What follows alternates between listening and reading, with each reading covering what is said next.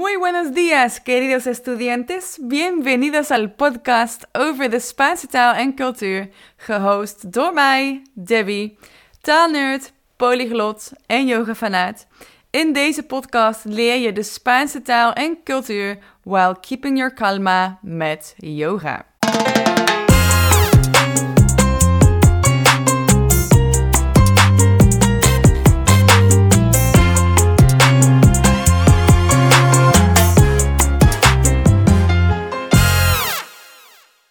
Dit is de plek om jouw cultureel bewustzijn aan te wakkeren en te vergroten.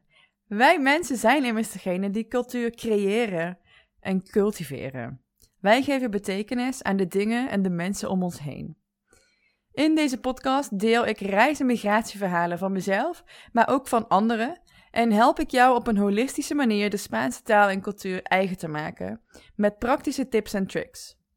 Uiteraard zullen er ook afleveringen in het Spaans komen. Ik zal ervoor zorgen dat er dan een transcriptie en een vertaling voor jou beschikbaar zijn.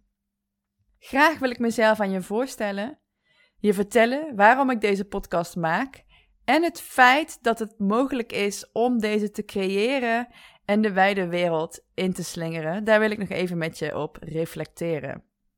Mijn naam is Debbie. Dat is een naam uit de Bijbel en die betekent de bij. Ik ben er heilig van overtuigd dat ik mijn vleugels gekregen heb om de wijde wereld over te vliegen. En met alle liefde haal ik uit alle hoeken van de wereld een beetje cultuur mee naar huis, om daar een honingzoete mengelmoes aan verhalen, herinneringen en levensvisies aan over te houden. Ik hoor vaak van mensen dat ik een fladderaar ben. Dat komt omdat ik voor mijn dromen leef. Ik leef vanuit mijn hart, vanuit overgave. Ik ben wat ik doe en wat ik doe is wie ik ben. En daarom ben ik dan ook Hispaniste, linguiste en yogalerares. Ik ben geboren en getogen op het platteland in Noord-Brabant, zoals je wellicht al gehoord had aan mijn prachtige zachte G. Al op jonge leeftijd begon ik met het maken van radioshows in mijn eigen woonkamer.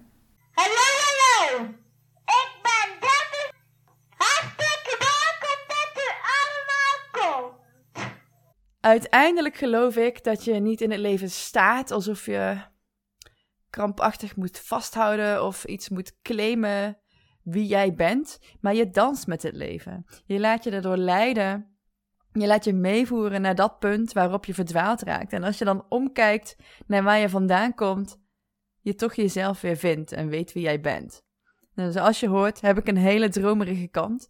Ik heb altijd het gevoel alsof ik buiten de realiteit sta en toch er middenin. Ik ben flamboyant. Soms heb ik de neiging om mijn vleugels te spreiden, om heel impulsieve beslissingen te nemen en dan heldhaftig, met stijl, te overleven. Ik was al op jonge leeftijd gefascineerd door taal en heb door mijn leven heen, eh, zowel op school, tijdens mijn studie en, en tijdens mijn reizen, te maken gekregen met de verschillen binnen cultuur en taal. Nou focus ik me in deze podcast vooral op de Spaanse taal. Ehm, maar ja, don't fool yourself. Dat is niet mijn enige interesse, wel mijn grootste. Zo zei ik eens, wanneer was dat? In 2015, toen ik in de camping, op de camping werkte in de Pre-Pyreneeën in Catalonië. Ik stond daar in de keuken bij mijn leidinggevende. Ik werkte als bediende in het restaurant in de avond. En overdag deed ik de animatie voor de kinderen. En uh, ik wilde even iets halen of zo. Ik weet niet meer wat. Ik wilde in ieder geval zeggen: ik ben zo terug. Dus ik had het jaar daarvoor in Nicaragua gewoond. En daar zeg je dan: ik ben zo terug. No dilato mucho. En die vrouw die keek me eerst twijfelend aan. Uh, nu begrijp ik waarom. Want dilatación betekent ontsluiting. Als in wanneer je zwanger bent en op het punt staat om te bevallen, uh, heb je zoveel centimeter ontsluiting. Dus zij dacht dat ik iets zei van: ik neem niet toe in volume. Dilatar is toenemen in volume. Ik word niet heel veel meer groter. Ik neem niet meer heel veel ruimte in beslag. Maar zij linkte dat dus aan bevalling. En nou ja, ik was niet zwanger toen. Um, dus een mooi voorbeeld van hoe taal ook afhankelijk is van cultuur, van plaats. Ehm, dat in Nicaragua dus een soort poëtische omschrijving is van ik neem niet veel tijd in beslag wanneer je zegt ehm, hè, ik ben zo terug. Terwijl uh, in Spanje het eerder iets zou zijn van uh, ahora vuelvo, ik kom meteen terug. Ik werd daar ook uitgelachen om mijn accent. Ik had een Nicaraguaans accent, dat heb ik volgens mij nog steeds. Mijn Spaans is best wel een mengelmoes, um, honestly. En ik ben daar trots op, want dat betekent dat ik verschillende delen van de wereld heb mogen zien en nu een deel van mij uitmaken. Ook voor mijn Nederlandse accent heb ik me vaak geschaamd. Um, ik heb me vaak aangepast aan de mensen met wie ik was, um, als zij niet uit Brabant kwamen. Zo ook met de Spaanse taal. In Nicaragua werd ik uitgelachen om mijn Spaanse accent. In Spanje werd ik uitgelachen om mijn Nicaraguaanse accent. Um, en ik ben daar nu een beetje van op aan het terugkomen. Zoals je hoort. Um, in Nicaragua woonde ik met een groep Nederlanders in één huis. En die kwamen allemaal uit uh, omgeving Den Haag. En ik kreeg toen ook van mijn familie te horen van, wat praat jij raar? Um, dus aan de ene kant denk ik dat aanpassingsvermogen heel belangrijk is bij het leren van een taal en een cultuur. Aan de andere kant, verlies jezelf niet. Die rijkdom, die mag ik delen met de mensen met wie ik in contact kom. Ik hoef me niet te verontschuldigen voor mijn accent. Dit is wie ik ben en ik mag daar trots op zijn. Ik hoef me niet te verontschuldigen wanneer ik een typfout maak. Um, want ik heb gemerkt dat veel um, natives nog slechter Spaans schrijven dan ik. Um, niet omdat ik beter ben of dat zij slechter zijn, maar je mag fouten maken. Um, je hoeft je niet te verontschuldigen omdat jij iets langer na moet denken over hoe je bepaalde dingen in woorden tot uiting wilt brengen. Over hoe je bepaalde zinnen moet formuleren. Jij verrijkt het leven van de mensen met wie jij communiceert, in contact komt en leeft. Het betekent dat jij met mensen van verschillende werelddelen kunt werken en leven en creëren. Dat is toch fantastisch? Je bent gewoon een wereldburger en uit al die hoekjes heb jij fantastische verhalen, um, ja, jouw eigen gemaakt. Die zijn deel van jou en die kun jij delen met anderen over culturele overeenkomsten en verschillen. En uiteindelijk hebben we één ding gemeen, allemaal. We zijn mensen en we willen geliefd worden, we willen gehoord worden, we willen gezien worden. En we willen um, ons veilig voelen bij elkaar. We willen weten dat we van elkaar op aan kunnen. Alles wat jij bent, mag jij laten zien. Dit heeft jou gevormd tot wie jij bent. Dit is jouw ervaring. En dat wil ik uh, heel erg met je meegeven ook. In alle dingen die ik hier ga delen. Zoals je wellicht al in de gaten hebt, ik hou ervan om taal en cultuur volledig uit te pluizen. En ik deel daarvoor mijn passie en liefde met jullie. Wat is mijn missie? Ik wil mensen dichter bij elkaar brengen. Um, ik wil taal leuk en makkelijk maken. Want het is namelijk meer dan woordenlijsten en grammatica. Taal is een communicatiemiddel waardoor we over elkaars levensvisie leren.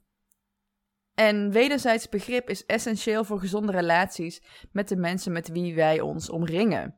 Dus ik wil dat interculturele interacties en contacten tussen mensen die taaloverschrijdend zijn, leiden tot de meest prachtige vriendschappen, maar ook tot zelfacceptatie. Als je namelijk open staat voor elkaars culturele verschillen en overeenkomsten en elkaars taal spreekt, kun je niet alleen het verschil maken voor anderen, maar ook voor jezelf. Ik wil zien dat interculturele interacties geen struikelblok meer zijn, maar juist een verrijking en een meerwaarde. In de tijd dat ik daar naartoe werk, probeer ik bergen te verzetten om daarheen te komen. Of misschien ga ik wel bergen beklimmen. Ook heel erg leuk. Um, ik kan namelijk die hard werken mentaliteit van Nederland enorm waarderen, maar ik weet ook de keerzijde daarvan. Ik heb die mentaliteit heel erg gemist in de tijden dat ik in Spanje en Latijns-Amerika woonde. Uh, maar ik weet ook hoe het is om mezelf te pletter te werken, om te willen laten zien, um, ja, dat ik ook aan de standaard van de cultuur, van de maatschappij voldoe. Um, maar ik werkte met veel plezier aan, want ik weet ook hoe het was om het gevoel te hebben dat je eigenlijk niet echt iets op een dag gedaan krijgt. Um, omdat de maatschappij er niet naar ingericht is om snel dingen gedaan te krijgen zoals wij dat hier in Nederland kunnen. Ik weet hoe het is om alle tijd van de wereld te hebben in een maatschappij waar economisch welzijn en materialisme niet de boventoon voeren. Om mijn kleren te wassen op een wasrek en om verse limonade te drinken van zelfgeplukte limoenen uit mijn tuin. Dat voor mij is pure rijkdom. Ik mis dat.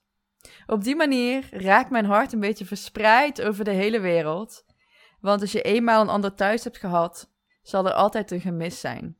Ik sta altijd met één been in Nederland en met het andere been in de stukjes van de wereld waar een stukje van mij is achtergebleven. Waar ik ook ben, ik neem dat altijd met mij mee. Ik, ik ervaar dit altijd zo. Zelfs nu in Nederland ehm, heb ik die, die stukjes in mij. Um, dus ik kan me ook voorstellen dat dat voor mensen die echt emigreren um, nog, ja, nog veel meer zo voelt. Want je zult altijd je thuisbasis missen en toch neem je dat ook mee naar waar je naartoe gaat. Dat is de prijs van een reizigershart. De prijs van vrijheid. En ik had het niet anders gewild. Precies op deze manier. Alles opgeven voor datgene wat je zo graag wilt. En het dan kwijtraken om te weten wat vrijheid is. Al van kinds af aan gingen wij op vakantie naar Frankrijk en Spanje op de camping. Ik was uh, oudste van vier kinderen in mijn gezin. En nu ik zelf moeder ben en weet dat op vakantie gaan betekent dat je non-stop samen bent in plaats van hier thuis. Um, ik, nou ja, natuurlijk ook wel tijd met mijn dochter doorbreng, maar ook tijd heb om mijn werk te doen. Uh, af en toe tijd heb om uh, alleen dingen te doen met vrienden. Um, heb je dat op vakantie niet? Dus we gingen altijd naar campings waar um, kinderanimatieprogramma's waren. Nou, dat was super leuk. En ik ging daar altijd meteen op zoek naar internationale vriendschappen. Want ik zag die taalbarrière niet. Ik wilde de persoon achter dat gezicht leren kennen met wie ik had gespeeld op de kinderanimatie. En ik maakte die verbinding vanuit speelsheid en nieuwsgierigheid. En nog steeds ben ik iemand. Ik wil weten waar mensen van aan gaan staan. Daar word ik blij van, daar kan ik van leren. Misschien is dat ook wel iets voor mij. Van die, vanuit die overgave en die onbevangenheid um, die speelsheid, nieuwsgierigheid, wil ik ook dat je naar deze podcast gaat luisteren. Als kind verslond ik boek na boek. Ik was gek op lezen. Heel erg, um, ja, misschien dat ik daarom ook heel goed was in, in taal. Um, Weet ik niet hoor, dat is nu een link die ik nu leg. Um, ik zong liedjes op de radio mee in halfbakken Engels. Mijn vader herinnert me daar nog steeds aan. Bepaalde liedjes uh, die hij weet die ik, die ik meezong. En ik imiteerde dan dus gewoon de geluiden die ik hoorde. Want toen ik drie was, no way, José, dat ik Engels kon. Op de basisschool bleek dat ik talent had voor taal. Ik kreeg in groep 4 een creatieve uitspatting bij een uh, opdracht Volgens mij moesten we een alinea schrijven of zo, of een aantal woorden voor een, uh, een verhaaltje. En ik vond schrijven uh, en creativiteit zo leuk dat ik er een heel verhaal van had gemaakt. Want ik had het gevoel dat de alinea veel te kort was. En ik, nou ja, ik had gewoon een verhaaltje verzonnen. Ik mocht dat voordragen voor de hele klas. Ik vond het echt heel erg eng, maar ik ben het ook nooit meer vergeten. In groep 8, later, um, was het Nederlands dicté te makkelijk voor mij. Ik kreeg daarom extra huiswerkopdrachten in het Engels. En dat vond ik natuurlijk heel cool, want ik mocht iets extra's doen wat de andere kinderen niet mochten. Maar ik hoor hierin ook een stukje willen presteren en laten zien hoe goed ik ben. Hoe meer ik terugkijk op mijn goede taalvermogen, Ehm, ik, ik was gewoon, ik wilde echt veel leren, maar ik dook volledig in het leren, in het ehm, cognitieve. En had eigenlijk, nou, ik had wel vriendjes en vriendinnetjes, maar eh, wat mij bijvoorbeeld heel erg opvalt, is mijn, mijn broertjes en mijn zusje, die hebben allemaal al van kinds af aan een grote vriendengroep, nog steeds, ook nu ze volwassen zijn, eh, uit het dorp met wie ze omgaan. Ik heb dat nooit zo gehad. Ik was een beetje een, een loner, een echte lone wolf. Ehm, maar ik, ik, nou ja, het, het was gewoon zo. Ik vond dat ook niet erg. Ehm, ik, kon goed, ik kon goed leren en dat uitte zich vooral op, uh, op taalkundig gebied. Mijn eerste verkering was met een Walloon. Wij spraken in het Frans. Ik was toen 14, volgens mij. 14 of 15? 15. Um, ik deed het uitzonderlijk goed op de middelbare school bij Engels en Frans. Tot ik in een gymnasiumklas terecht kwam waar ik bij Latijn en klassiek Grieks niet zo succesvol was, behalve de eerste paar overhoringen. Want ik vond er namelijk meerwaarde in om bij de groep te horen. En die klas was best wel rebels in vergelijking tot de klas van HAVO-VWO waarin ik daarvoor zat. En ik wilde dus niet meer zo de studiebol uithangen. Ik werd nageroepen op de gangen met mijn grote Kipling-tas vol studieboeken met... Wie, uh, waar gaat die tas met dat meisje naartoe? um, Motivatie is een van de belangrijkste pijlers voor het kunnen leren ook van een taal. Daar gaan we later in deze podcast zeker um, dieper op in. En mijn motivatie was destijds dus uh, bij de groep horen en niet om een grote Latijn- en Grieks nerd te zijn. In Duits was ik trouwens een regelrechte ramp. Daar kon ik ook geen motivatie voor vinden. Ik vond het niet cool. Schade. Vaak voelde me ik me best wel een buitenbeentje. Ik verdwaalde dan liever in mijn boeken. Maar ik kon op reis wel ongeremd, ongetemd en vrij zijn. Ik kon daar kennis maken met het nieuwe, met het onbekende. En toen ik op mijn achttiende hoorde dat voor de vertaalacademie in Maastricht, waar ik wilde gaan studeren na mijn HAVO af te hebben gerond. Um, want dat is dus ook nog een verhaal, maar ik zal er niet al te diep over uitweiden. Uh, ik kwam in zo'n rebelse gymnasiumklas terecht. Um, dat ik, nou ja, uiteindelijk terug ben gegaan naar de HAVO en daar ook nog ben blijven zitten. Um, maar dat maakt verder niet uit. Uh, ik heb mijn, uh, mijn pad naar de rand uh, teruggevonden naar de universiteit met een omweggetje. En ook dat heeft er mogen zijn. Um, het Spaans was namelijk nogal een struikelblok voor veel studenten in het eerste jaar van de vertaalacademie. Hoorde ik daar op de open dag. Dus ik dacht, nou, 1 en 1 is 2. Ik ga een tussenjaar doen in het buitenland. Ik had eigenlijk naar de Verenigde Staten gewild. Uh, maar toen um, nou, koos ik er toch voor om naar Barcelona te gaan om het Spaans te gaan leren. En ik zou dan in gaan wonen bij een gastgezin. Ik vond het heel jammer dat Spaans niet werd aangeboden op de middelbare school. Gelukkig is dat tegenwoordig wel anders. Uh, maar voor het eerst maakte ik een keuze die voor mij was. Niet omdat ik ergens bij wilde horen, maar um, ja, mijn motivatie was dus om het goed te gaan leren, zodat ik die studie kon gaan doen. Nou, geloof mij, als tiener uit een boerendorpje in Brabant was verhuizen naar een metropool als Barcelona echt wel een dingetje. Ik vertel je dit omdat ik je een bepaald gevoel wil geven. Ik moest daar namelijk alles uitpakken wat mij bekend was, betreft uh, ja, mijn hele zijn. Mijn sociale identiteit, wat het betekent om ergens bij te horen, om je thuis te voelen, om jezelf te mogen zijn. Eh, in een vreemd gezin wonen, die dus al hè, de established ways of beings heeft, bepaalde patronen. Uh, niet alleen cultuur-wise, maar ook uh, gezinsdynamiek. gewoontes die ze hebben, maar ook natuurlijk de taal.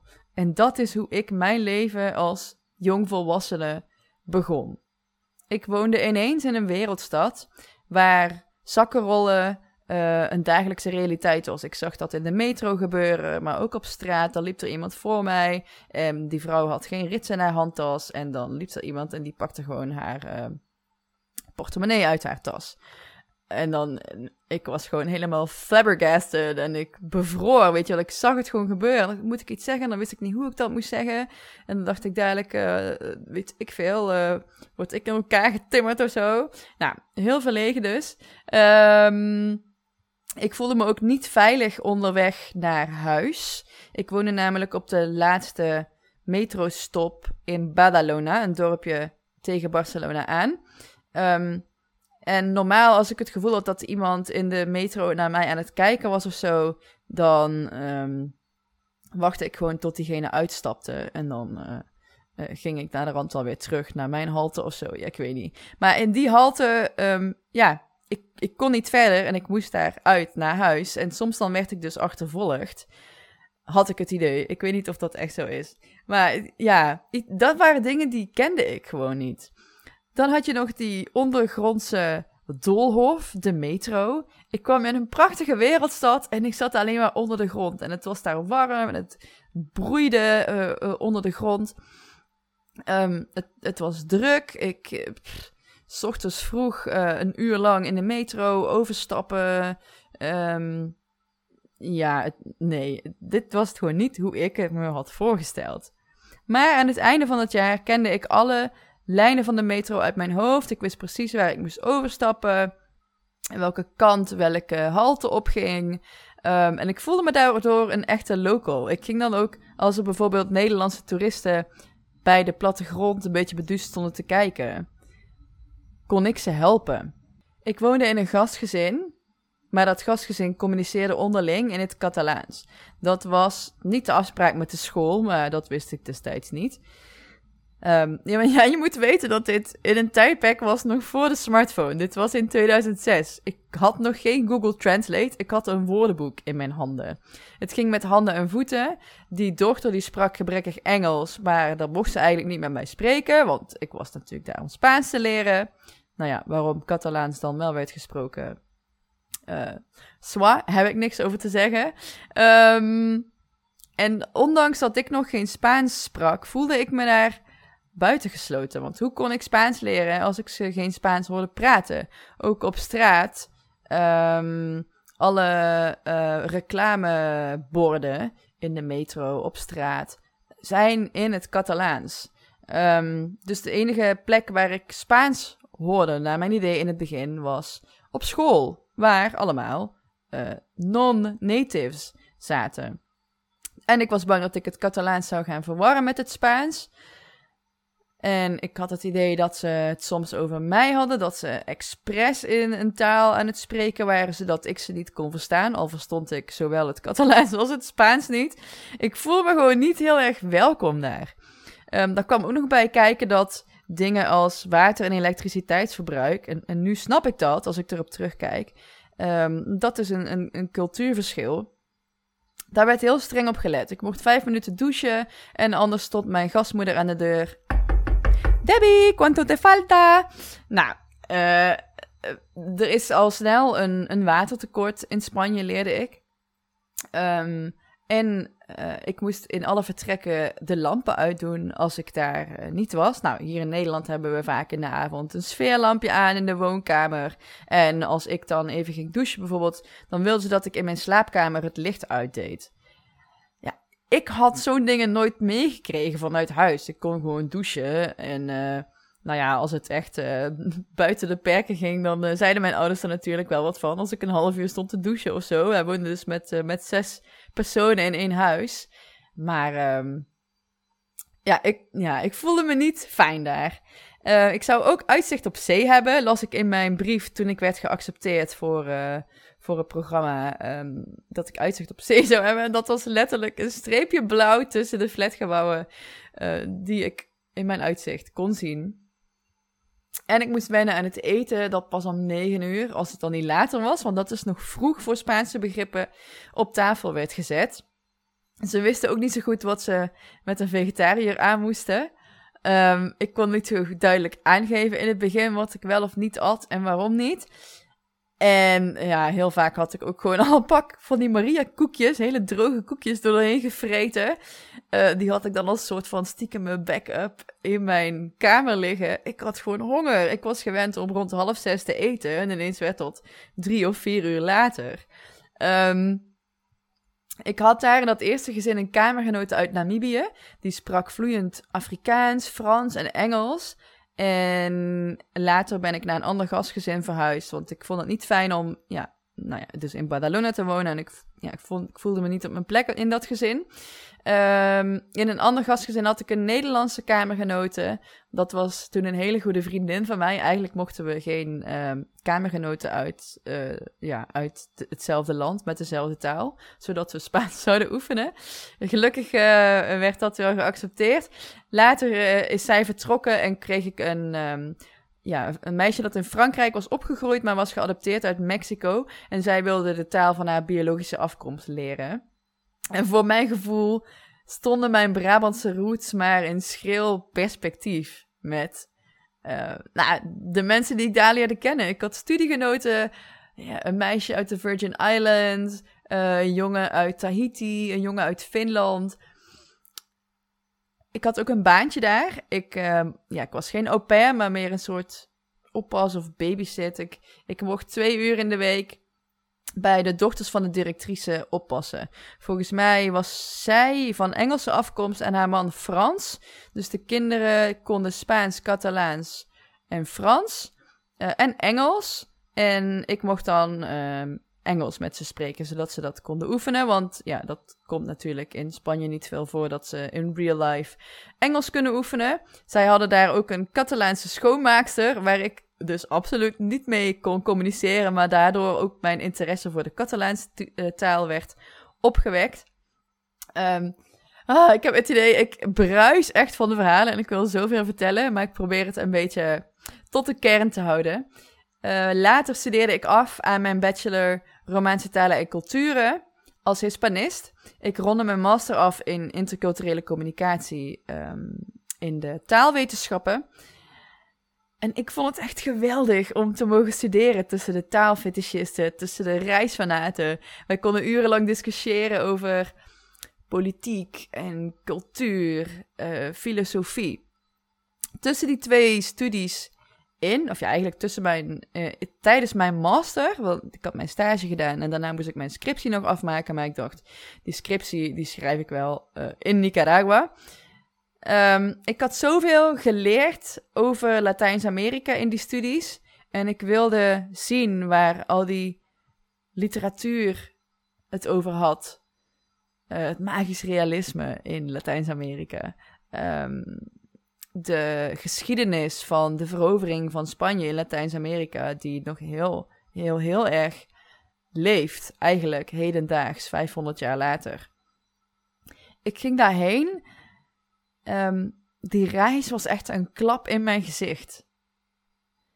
Mijn hele. Um, ja, hoe zeg je dat? alsof de grond onder mijn voeten vandaan getrokken werd. Het leven is daar zo anders. En dat stond me toe om me over te geven aan het ontdekken van mezelf. Want wie was ik eigenlijk als ik me nergens meer aan kon afmeten of refereren? Behalve dus de Spaanse taal. Uh, ik werd daar heel erg uitgelachen, ook in het begin, om mijn Spaanse accent. Ja, ja. En ik ben daar begonnen met yoga. Heel enthousiast in de meest prachtige locaties midden in de jungle van Centraal-Amerika. En ik ben daar thema's voor mezelf gaan onderzoeken, zoals um, het feminisme, de liefde. Ik kwam toen net uh, uit een relatie, um, spiritualiteit, vriendschap. En ik ben me volledig gaan onderdompelen in die cultuur, in het leven daar. En ik had het daar zo naar mijn zin dat ik na twee maanden besloot dat ik geen drie maanden zou blijven in totaal. Maar ja, dat ik mijn vlucht ging verzetten voor uh, onbepaalde tijd. Helaas duurde dat niet langer dan een jaar. Het was daar als blanke vrouw um, moeilijk om rond te komen van een um, lokaal inkomen en daarnaar te leven ook. Met de standaard van leven waar ik aan gewend ben. Ehm, bij terugkomst in Nederland ben ik alleenstaande moeder geworden van een half Nicaraguaans meisje. En heb dus ook een bloedband met Nicaragua. Zij is mijn most cherished souvenir van die reis van dat jaar daar in Nicaragua. Tijdens mijn zwangerschap ben ik begonnen aan een driejarige yogaopleiding. Um, ik had natuurlijk eh, ook geen geld om een, een, een maand, hoe, zeg je dat? Een, uh, vaak zijn die studies een maand lang in het buitenland, zo'n yoga teacher training. Nou, dat was mijn droom. Ik dacht, ik ga daarheen. Nou ja, toen werd ik zwanger en ik had eigenlijk ook geen geld. Dus toen ben ik um, in Nederland een driejarige studie begonnen, waarin dus heel veel ruimte was voor persoonlijke ontwikkeling en voor het echt integreren. Um, die, die zachtheid was zo confronterend voor mij. Dus bij zowel de transitie van jonge vrouw naar moeder, als het worden van yoga-lerares, het integreren van die yoga-filosofie, ben ik zo diep in mezelf moeten gaan duiken. En daardoor heb ik een hele holistische kijk op het leven gekregen. Maar niet alleen op het leven. Nou ja, holistisch zegt het eigenlijk zelf al, eh, om, omvat alles. En dus ook het leerproces. Je kunt zoveel leren als je wilt uit boeken. Het cognitieve staat zo hoog in het vaandel bij ons. Op school um, wordt bijvoorbeeld het, het sociaal-emotionele aspect bijna niet meegenomen bij kinderen. Nog steeds niet. En dat vind ik best wel zorgwekkend. Um, de echte rijkdom zit hem in de ervaring waar je opteert.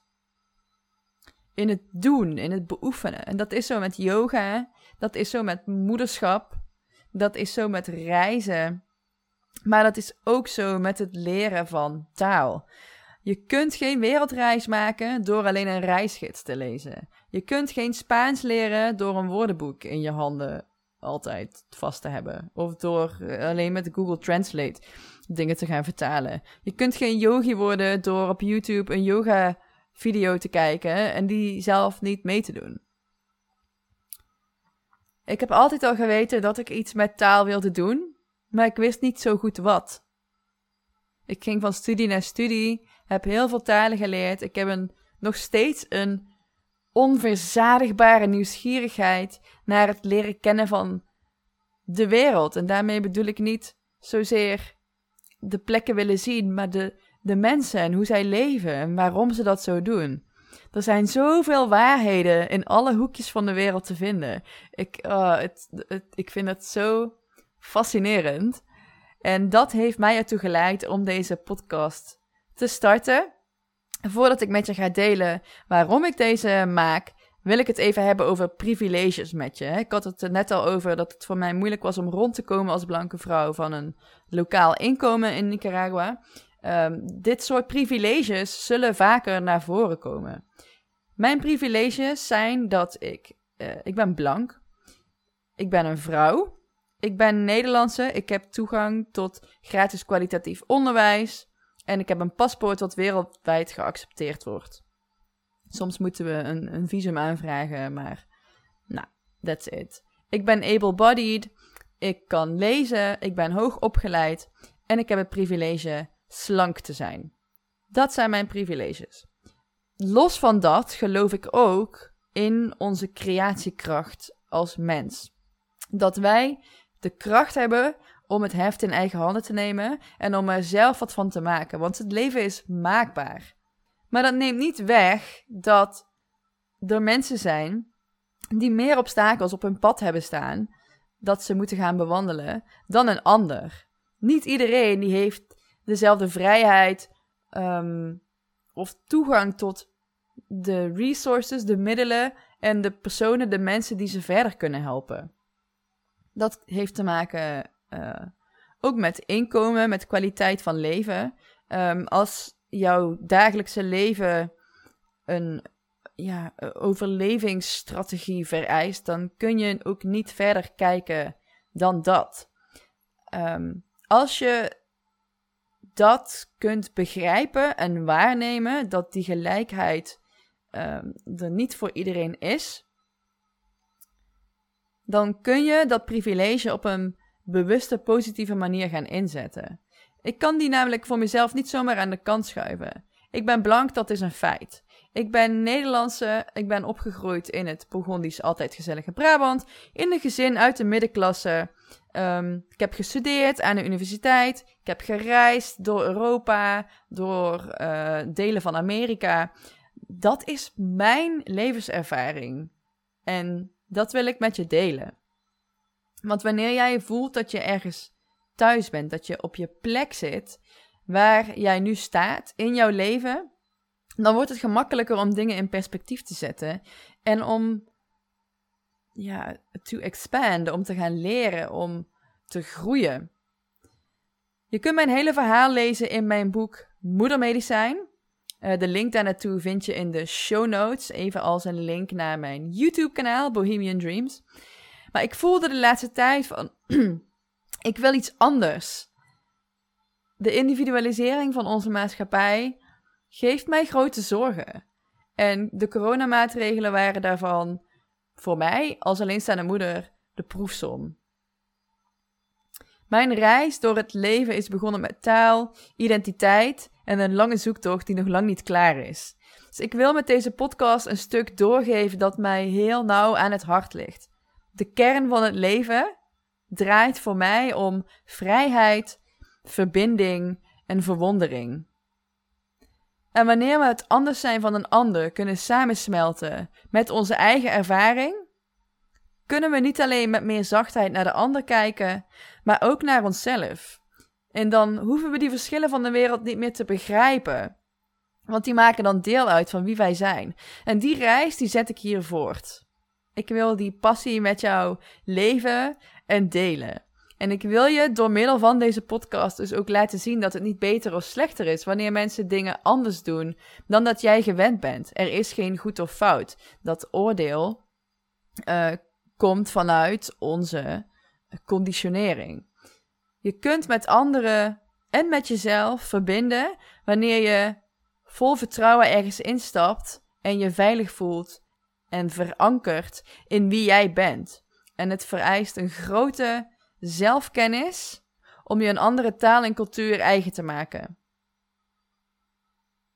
Ik help jou door middel van yoga op een holistische manier te leren.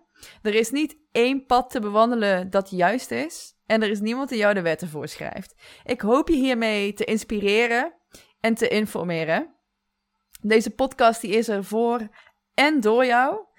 Wil je dat ik jouw vraag persoonlijk beantwoord? Stuur me dan een ingesproken berichtje via de link in de show notes en misschien hoor je jezelf wel terug in een van de volgende afleveringen.